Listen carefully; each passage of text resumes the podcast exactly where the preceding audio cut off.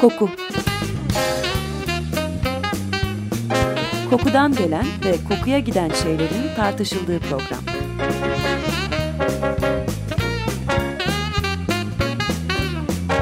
Hazırlayan ve sunan Vedat Ozan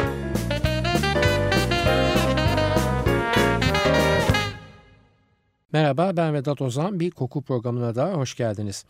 Geçen haftaki yayınımızı dinleyenleriniz hatırlayacaklardır. Doğu'nun iki büyük kokulu kültüründen biri olan Hint dünyasından bahsetmiştik. Hint günlük yaşantısında veya dini ritüellerinde kokudan nasıl faydalanıldığına ve bazı ritüellerin kokuyla beraber nasıl anlamlandırıldığına değinmiştik. Hint coğrafyası geniş, farklı iklim koşullarını kapsayan bu nedenle de doğal bitki örtüsü içinde aromatik bitki çeşidi bakımından dünyanın en fazla çeşitlilik içeren topraklarından. Ancak bu bitki veya çiçekleri önem sırasına göre bir listeye dönüştürmeye kalksak o hayran kalınacak çeşitlilik içinden bir tanesi öyle bir ön plana çıkıyor ki neredeyse bu coğrafyanın adıyla özdeşleşiyor diyebiliriz. Sanskritçe ağaç anlamına gelen çandan, çandana veya bizim bildiğimiz ismiyle sandal ağacından bahsediyorum. Çoğu batı dilinde kısaca sandal veya santal diye de geçiyor bu ağacın ismi ve tarihi de çok çok eskilere kadar gidiyor. Hatta Hint coğrafyasının ilk ihraç ürünlerinden biri de diyebiliriz. Zira daha Batı Hint'le tanışmadan önce sandal ağacı yakın ve uzak doğuda bayağı itibar gören bir ağaçtı. Programımıza konu olmasından da tahmin edebileceğiniz gibi sandal ağacı kuvvetle kokulu bir ağaç. Ekonomik değeri de bu nedenle oldukça yüksek. Ağaçtan mobilya, heykelcik, tütsü çubukları yapılabildiği gibi çıkarılan öz yağından da parfüm endüstrisinde yararlanılıyor. Yaklaşık bir tonluk bir kütük yığınından 50-60 kilo yağ elde edilebiliyor. Hem kendi kokusu hem de sabitleme özelliği nedeniyle yani fiksatör olması sebebiyle talebi her daim çok çok fazla bu yağın. Hint parfüm dünyasının en temel yağlarından biri diyebiliriz. Tütsü çubuklarında çok fazla kullanılıyor. Ayrıca kokusu gülle uyum sağladığından gül ve sandal ağacı yağı bir araya getirilip bir anlamda ilkel bir parfüm olarak Hint pazarlarında çokça bulunabiliyor. Batı dünyasında ise Şip, Fujer, Oriental falan yani neredeyse bütün temel parfüm ailelerinde sandal ağacına yer var. Bu nedenle kadın parfümlerinin yaklaşık %50'sinin erkek parfümlerinin ise %30'unun formülünde sandal ağacı veya en azından benzerinin kokusu mevcut. 16 değişik türü var sandal ağacının ve bu türler çalı bitkisi boyundan 10-15 metreyi bulan ağaç gövdelerine kadar çeşitlilik gösteriyor. Sadece Hindistan'da değil Avustralya'nın çölleşmiş bölgelerinden Yeni Kaledonya'nın subtropik iklimlerine kadar geniş bir yelpazede üreyebiliyor. Ancak işe yarar ve makbul olanı bu 16 türün hepsi değil elbette. Beyaz sandal denen ve Latince ismiyle Santalum album dediğimiz türü emsalsiz ve bu nedenle de oldukça kıymetli. Santalum album bir parazitimsi ağaç yani fotosentez yoluyla kendi kendini besleyebilmesine rağmen esas gelişimini çevresindeki diğer ağaç ve bitkileri sömürerek yapıyor. Bu çevreden faydalanma işini de toprağın altında yaygınlaşan kök bölümünü kullanarak gerçekleştiriyor. Yani bilim kurgu filmi canavarları gibi toprağın altından ahtapot kolu misali uzanan kökler çevrede toprak altındaki başka cins ağaçların köklerinden nitrojen ve fosforu kendi bünyesine katarak ağaca büyümesi için gerekli besini sağlıyorlar. Çevrede tik, karanfil, bambu veya guava ağacı falan varsa hele bizim sandalın keyfine doyum olmuyor. Zira bu saydıklarımla beslenmiş bir sandal ağacı kokusal olarak da en üst seviyede değerlendirilen bir ağaç oluyor. Ancak her güzelin bir kusulu vardır. Sandal da komşularından bu şekilde beslenince tabii komşular da fazla yaşamıyor ve yavaş yavaş ölüyorlar. Santalum albumun bir diğer adı da Hint sandal ağacı. Zaten bundan sebep Hindistan'ın neredeyse ismiyle özdeşleşmiş bir ağaç dedim ilk cümlelerimden birinde. Yalnız burada kastım Doğu Hindistan sandal ağacı. Zira Batı Hint sandal ağacı denen bir başka türü var ki onun benzeşmesine rağmen bizimkiyle pek fazla bir ilgisi yok. Ameris balsamifera deniyor bu ikincil olana yani Batı Hint sandal ağacına ve gerçek Santalum album yerine benzeş ancak alakasız bir familyadan olan bu ağacın yağıyla kandırılıyoruz maalesef çoğu zaman. Doğu Hint sandal ağacının özelliği yağ oranı çok yüksek bir ağaç olması. Gövdenin yaklaşık %6'sı yağdan oluşuyor ve bu zengin yağ içeriği de elbette esans yağcılarının iştahlarını kabartıyor. Sadece bol yağ içermesi değil yağın koku profili de önemli elbette. Avustralya'da yetişen çeşitler Hint kökenliler ve özellikle Mizor orijinli ağaçlar kadar derin bir koku içermemesine rağmen Hindistan geleninde artık neredeyse sandal ağacı kalmadı gibi bir durumla karşı karşıya olduğumuzdan koku sektörünün tek alternatifi haline gelmiş durumda. Ağaçtan yağ buhar distilasyonu vasıtasıyla elde ediliyor. Açık yeşilimsi kahve bir rengi var. Yağın %40-45 kadarlık bölümünü alfa santalol denen bir molekül, %20-30 kadarlık bölümünü de beta santalol molekülü oluşturuyor. Tabii bundan başka da pek çok farklı terpen var yağ kimyasal yapısı içinde. Ancak karakteristik kokunun sebebi bu saymış olduğum iki santalol molekülü. Genel koku tarifi olarak sütlü bir odunsuluk hakim diyebiliriz. Yumuşak ve sıcak denilebilecek bir havası var. Şimdi böyle ismen bahsedince burnunuza o kokuyu getiremiyor olabilirsiniz. Ancak imkan olsa da ben size koklamanız için şuradan bir miktar uzatabilsem ''Aa ben bu kokuyu tanıyorum'' diyeceğinize kesin gözüyle bakıyorum. Yağ için kullanılan ağaçlar yaş ve kütle büyüklüğü göz önüne alınarak seçiliyorlar. Bunun iki sebebi var. İlki bir sandal ağacının olgunlaşması ve kokusal doygunluğa erişmesi için en az 25 yıl geçmesi gerekiyor. Yani genç ağaçta koku çok yok ve bu nedenle makbulde değil. Ama 25-30 yıllık bir sandal ağacı son derece iştah kabartıcı bir durumda demek. İdeal toplanma yaşı 25 ile 60 yaş arasında. Yağ ağacın dış kabuğunda değil köklerde, gövdenin orta bölümünde ve bazı kalın dallarda bulunuyor. Bu nedenle ağacın sadece yaşı değil kütle büyüklüğü de önem kazanıyor. Zira büyükçene bir ağaç daha geniş bir orta bölüm ve daha kalın kökler demek. O kadar kuvvetli bir kokusu var ki kendiliğinden ölmüş veya devrilmiş ağaçlar bile kullanım bulabiliyor. Zira bunlardan kokulu mobilya veya talaş haline getirilip tütsü çubuğu falan yapılabiliyor. Kökleriyle çevreyi sömüren bu zengin kokulu ağacı kesmek de kolay değil. Çünkü kestiğinizde köke ulaşamıyorsunuz. Bu nedenle yağmurlu havalar bekleniyor ki toprak yumuşasın ve eşelenip köklere de ulaşılabilsin. Ağacı topraktan kurtardık ve yere devirdik. E şimdi ne yapacağız? Hayır hiç de öyle elde balta veya elektrikli testereyle falan dağılmıyoruz gövdesine. Kıymetli olduğu için yanlış vurulmuş bir darbeyle değerli orta kısmından telef etme gibi bir lüksümüz yok. Bu nedenle toplayıcılar ilginç yöntemler bulmuşlar ağacın kokulu bölümlerine ulaşmak için. Geçen hafta bahsetmiştim. Hindistan'da pek çok tapınağın girişi sandal ağacından yapılıyor. Zira hem ortama hoş bir koku veriyor hem de beyaz karıncalara mukavim olduğundan oldukça dayanıklı. Tesadüf o ki ağacın beyaz karıncalara dayanıklı kısmı o kokusunun en yoğun bulunduğu orta kısmı. Yani kokulu kısmı karınca yiyemiyor. Bu nedenle toplayıcılar devrilmiş ağacın başına salıyorlar karıncayı. Onlar hapır küpür işe yaramaz bölümleri ufalayıp bitirince ulaşamadıkları orta bölüm yani ağacın kokulu ve kıymetli kısmı tek bir balta darbesi almadan soyulmuş muz gibi kalıveriyor ortada. Eski Sanskritçe veya Çince metinlerden sandal ağacının ilk kullanımının 4000 yıl öncesine kadar dayandığı şeklinde bir bilgi ulaşıyor bizlere. Kesin olarak bilinen Hindistan'da yaklaşık 2000 yıldır en kutsal ağaçlardan biri olduğu ve bu kutsiyeti de pek çok dini tören içinde yer alarak ispatlamış olması. Kokulu kısmından pek çok dini anlam içeren heykelcik üretilmiş tarih içinde ve dedim ya kuvvetli ve kalıcıdır diye bu antik heykellerin bazılarında hala kokusunu muhafaza ediyor.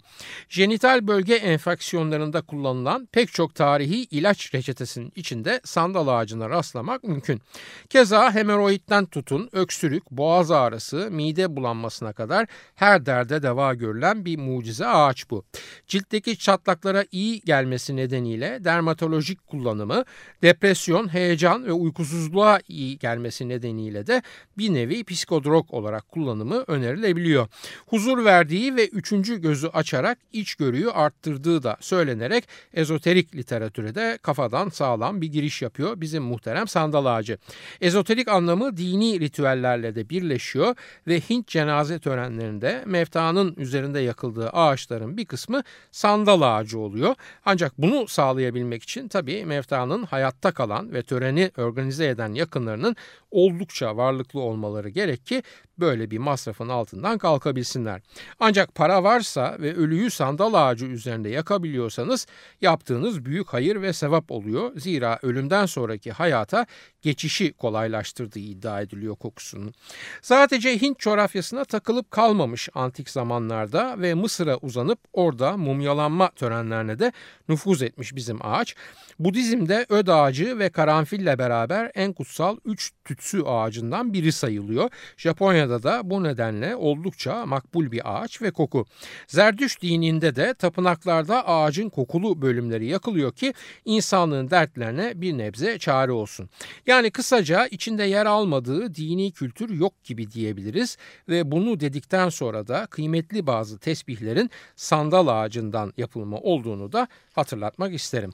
Bu kadar çok kullanımı var ama ola da elinize gerçekten saf ve hakiki sandal ağacı yağı geçti. Aman bunu seyretmeden kullanmayın derim. Daha doğrusu doğal bütün yağlar için geçerli bir kural bu ve ehil olmayan kişilerin asla bu tip yağları cilt üzerinde uygulamaya kalkışmaması lazım. Sandal ağacı özeline geldiğimizde bir kere hassas ciltler üzerinde tahriş yaratabileceğini söylemeliyim. Ne yazık ki bu konuda bilimsel verilerin çoğu hayvanlar üzerine yapılan testlerden çıkmış sonuçlar ve onlara göre de fare ve tavşan ciltlerinde tahriş yaptığına rastlanmış. Çok değil ama seyrek de olsa bu örnekler olmuş ve literatüre girmiş yani. Yağın içeriğindeki santalol ve ilişik moleküllere de sandal ağacı dumanı koklatılmış farelerin kanında rastlanmış ve bu da demek ki bu bileşimleri absorbe edebiliyor vücut. Tabi burada deneye tabi hayvanın maruz kaldığı miktar ve hayvanın kendi kütle ölçüsünü insanla mukayese ettiğinizde bu oldukça seyrek ortaya çıkan yan etkiler bile anlamsız kalabiliyor ama neme lazım biz ikazımızı yapmış olalım diyorum. Kısa bir kahve molası verelim müsaadenizle ve ağacın farklı bir yüzüne geçelim ikinci bölümde. Sushila Raman'dan dinliyoruz Trust in Me.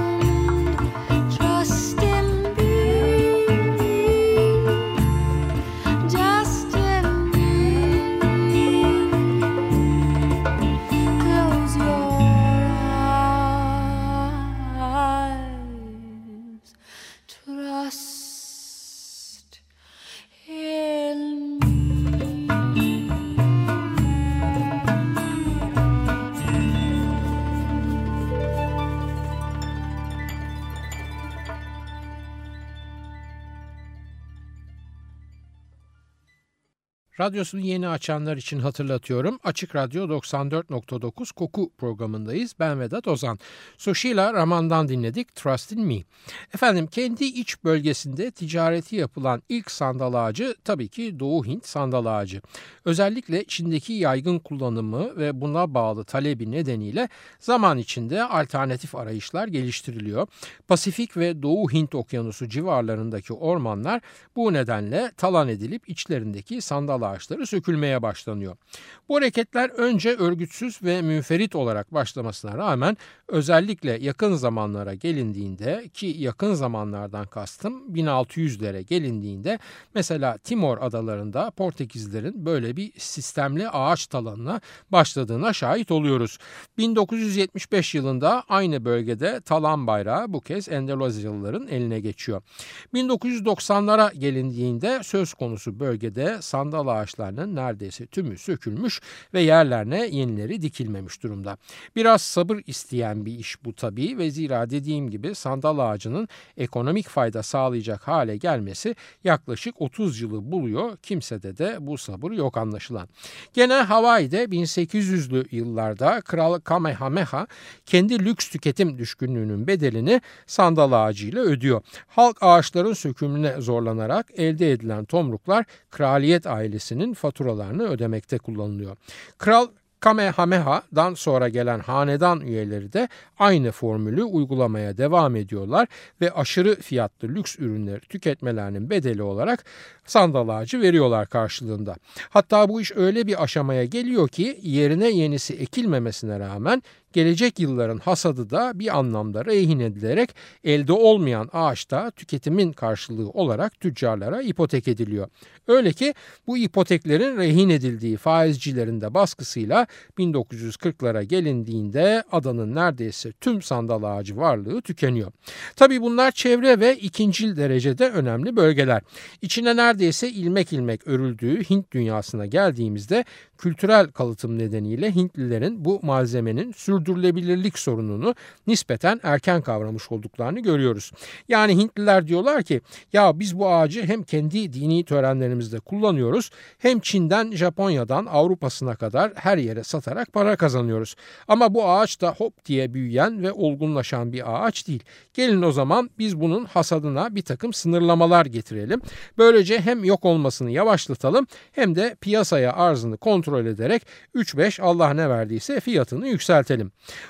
Doğu Hint sandal ağacının yani en makbul tür olan Santalum album'un en çok ve verimli yetiştiği bölge olan Mizor'da Mizor kaplanı diye de bilinen sultan yani Tippu Sultan 18. yüzyıl sonuna gelinirken 1792'de diyor ki bu ağaç bundan kelli kutsaldır ve sadece kraliyete aittir. Yani senin orada bir çiftliğin olsa ve çiftliğindeki geniş arazin içinde sandal ağaçların mevcut olsa bile toprak senin olabilir ama üzerindeki ağaç sultanındır. Tabi gün geliyor Tippu Sultan ölüyor ama hüküm devam ediyor. Devam ediyor da bu işlere de bizzat sultanın kendisi bakmıyor ve gelip geçen hükümetler var tabi sultanın varlıklarını korumakla yükümlü olan. Dünyanın her bölgesinde olduğu gibi burada da yozlaşma veya hükümetlerin önceliklerinin değişmesi vesaire derken bu kontrol işinin ucu kaçıyor ve kimin ağacı var, kim ağacı söküyor, kim olduğu gibi veya kim yağını çıkararak satıyor hesabı karışmış bir hale geliyor. Elbette böyle hükümet kontrolü dendiğinde hemen olmazsa olmaz koşul olarak kara borsada devreye giriyor ve her ne kadar korunmaya alınma niyetiyle yola çıkılmış olsa da maalesef Hindistan'ın kendi bile ismiyle özdeşleşmiş ağacını koruyamıyor ve para hırsına kurban oluyor ülkenin sandal ağacı varlığı. Bugün için halen yasal olarak Güney Hint eyaletlerinde buna çok benzer kanunlar geçerli. Kerala hariç diğer tüm eyaletlerde ağaçlar devletin mülkiyeti sayılıyor. Orman görevlisinin her an özel araziye girip ağaç sayımı yapma hakkı var. Hatta kesime karar verip sandal ağacını devirebilmek de yetkisi içinde ve saptanan bedelin %75'inde ikramiye olarak alabiliyor. Böyle devletin haydutvari kesim yapmasının önüne geçmenin tek yolu bu iş için yasal bir lisans almak. Yani sandal ağacını yetiştirmek, satmak, veya işlemek için lisans almak zorundasınız ve kaçak yetiştirme yapamazsınız. Bu da demek ki tek bir ağacın bile devlet arşivinde kaydı olması gerek. Gelin görün ki rüşvet denen bela yüzünden bu da pek mümkün olamıyor. Aslında 20 kilodan fazla sandal ağacı bulundurmak sanki esrar bulundurma suçu gibi bir suç. Ancak dedim ya demin güney eyaletlerinin hepsi Kerala hariç bu kanunların yürürlükte olduğu yerler diye işte o Kerala eyaleti de bu durumda bütün kanunsuzlukların merkezi oluveriyor. Lisansa bağlanmış bölgelerle Kerala eyaleti arasında korkunç bir trafik var ve kaçakçılık tavan yapmış durumunda. Kerala'dan da Birleşik Arap Emirliklerine uçuyor sandal ağaçları veya yağları ve el altından alıcısı bol bir piyasada son demlerini yaşayıp bindiği dalı keserek Hindistan kendi varlıklarını bu şekilde heba etmeye devam ediyor. Tabi sadece ağaç veya yağ değil lisanslar da ayrı bir kara borsa konusu olup el değiştiriyor ama o kadar da mali suçlar alemine dalmayalım konumuzdan uzaklaşırız diye korkuyorum. Sonuçta 1960'larda yıllık 4000 ton olan sandal ağacı üretimi 90'lara gelindiğinde yıllık 1000 tona kadar düşüyor.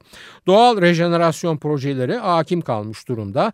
Devlete ait depolar birer birer kapanıyor ve sadece Mizor'daki distilasyon merkezi o da kapasitesinin çok altında çalışarak hayatiyetini sürdürüyor. Efendim sandal ağacından ve kanun dışılıktan, kara borsadan bahsedip de Firappan'dan bahsetmemek olmaz. Kimdir bu yahu demeyin hemen vaktim yettiğince anlatacağım. 1952 doğumlu ve tartışmalı bir modern Robin Hood bu adam. Tam adıyla Kuse Minushwami Virappan. Çocukluğu sefalet içinde geçiyor fakat gözü de pek bir adam. Bakıyor ki yasal sistem içinde ona ekmek yok. O da başlıyor babası gibi ufak ufak yasa dışı yolları kurcalamaya. Hindistan'ın meşhur filleri var ve o fillerin dişleri de yasak ama aynı zamanda birer servet.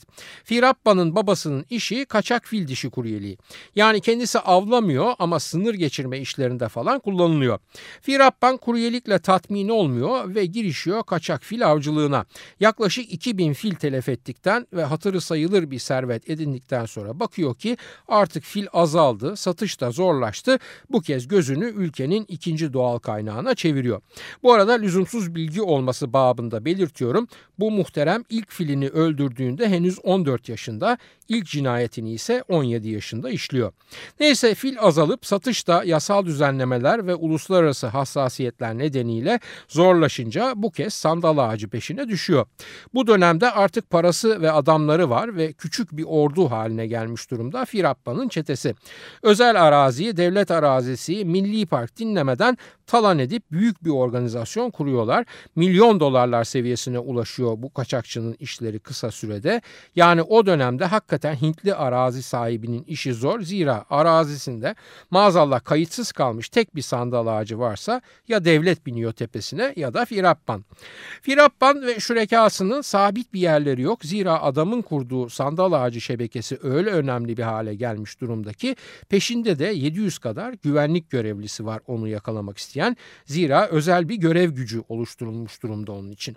Başına yaklaşık bir buçuk milyon dolarlık ödül konmuş vaziyette ve fakir ülkenin fakir insanları bazen bu ödüle tenezzül eder gibi oluyorlarsa da bu tip sayın muhbir vatandaşlardan yüzden fazlasını Firappan ve adamları öldürünce ihbar etmekte oldukça riskli bir iş haline geliyor bu çeteyi. Son derece zalim fakat halkla ilişkileri de ihmal etmeyen bir adam dolaştığı orman köylerinde bir ortalığı talan ederken bir yandan da çoluk çocuğa yiyecek, şeker, oyuncak falan dağıtıyor ve bu nedenle de adı neredeyse Robin Hood'la özdeş hale geliyor. Öldürdüklerinin aileleri ve yakınları olarak onu lanetleyen yüzlerce insan olmasına rağmen kendi öldüğünde cenazesine 20 bin civarı insanın katılmış olduğunu söylersem sanırım ne demek istediğimi daha belirgin ifade etmiş olurum. Ayrıca unutmayalım ki başında bir buçuk milyon dolarlık ödülle bu adam tam 40 yıl yakalanmadan dolaşabiliyor ortada. Güçlendikçe egosu da şişiyor haliyle. Çok övündüğü ilginç bir bıyık tipi var. Böyle upuzun ve ağzının kenarlarında yumak yumak olmuş. Onlarla pek övünüyor. Her sabah o garip bıyıklarını tarıyor ve tabii fil dişi tarakla ve yağlıyor ki gürleşsin ve parlaklaşsın. Kendine politik değerler de atfetmeye ve haydut değil Tamil milliyetçisi olduğunu falan söylemeye başlıyor sağda solda. Fil dişi kaçakçılığı, sandal ağacı kaçakçılığı, adam öldürme falan derken adam kaçırma ve fidyecilik olaylarına giriyor ve zenginleri hatta ünlü Bollywood film yıldızlarını bile kaçırıp ancak dolgun miktarlarda fidye ödenince serbest bırakıyor. Ünlü film yıldızı Raj Kumar'ı kaçırıp 100 gün rehin tutuyor mesela ve ancak 6 milyon dolar tutarındaki fidyeyi alınca serbest bırakıyor. Karakol basmaya, çatışmalarda yakın adamlarını vuran görevlilerinin evlerini basıp infaz etmeye falan da başlıyor ufak ufak ve tabii bunlar da bardağa taşıran son damlalar oluyorlar. Günün birinde yani 2004 yılının Ekim ayının 18'inde yanında 6 adamıyla beraber kıstırıyorlar ormanda hükümet güçleri muhteremi. Başından tek kurşunla vurup öldürülüyor ve o çok övündüğü bıyıkları da tıraş ediliyor. Hatta vuran görevliler aynı Ç'yi vuranlar gibi cesedin başında poz poz fotoğraf çektiriyorlar. Tarihin gelmiş geçmiş en büyük sandal ağacı kaçakçısı Firappa'nın 2000 fil ve binlerce ton sandal ağacına ilaveten fidyelerden gelen parayla oluşan servetinin ne olduğu meçhul. Bir kısmı hala ormanda gömülü derken bir kısmı da Tamil gerillalarının eline geçti diyor. Onun servetinin ne olduğu meçhul ama para uğruna kıydığı doğal servetin akıbeti ortadaki artık sandal ağacı veya gerçek sandal ağacı yani Santalum album neredeyse yok gibi yeryüzünde. Haftaya bir başka kokuda buluşmak üzere hoşçakalın diyorum efendim. Soru, öneri, eleştirileriniz için e-posta adresimizi hatırlatıyorum. kokuprogrami.yahoo.com Yayınlarımızda adı geçen konulara ilişkin görselleri her zaman olduğu gibi biraz sonra facebook.com Taksim Vedat Ozan Koku adresinde de görebilir. Yorum ve sorularınızı oraya da yazabilirsiniz. Ben Vedat Ozan, radyonuz kokusuz kalmasın sevgilerimle.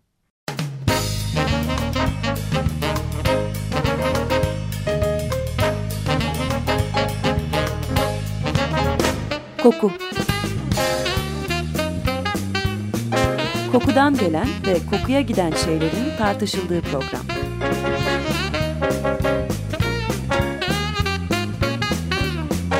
Hazırlayan ve sunan Vedat Ozan